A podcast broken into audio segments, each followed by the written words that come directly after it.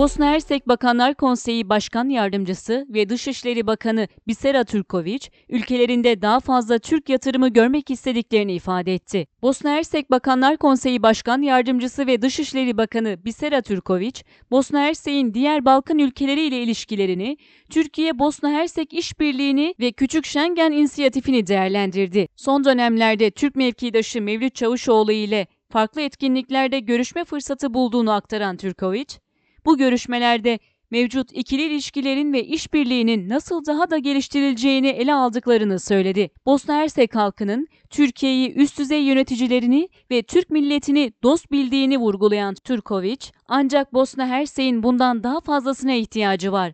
Bu dostluk ekonomik gelişmemizi ve üretimimizin artmasını da desteklemeli. Ülkemizde daha fazla Türk yatırımı görmek istiyoruz ifadelerini kullandı. Turković, Türkiye'nin birçok projeyle Bosna Hersek'e destek olmaya çalıştığını anımsatarak, bize bağış ya da hediye olarak gelen yardımların sayısı çok. Bunların başında Mostar Köprüsü ve diğer ortak kültür mirası yapıların onarımı ve yeniden inşası da var. Ancak böylesine dostane ilişkileri olan iki ülkenin daha yüksek ve gelişmiş bir ticaret hacmine sahip olması gerektiğini düşünüyorum dedi. Türkiye'nin proje ve yatırımlarında Bosna Hersek tarafının da aktif rol alması gerektiğini kaydeden Turković, ülkemizde proje gerçekleştirmek isteyenlerin bürokratik engellere takılmadıklarını biliyoruz.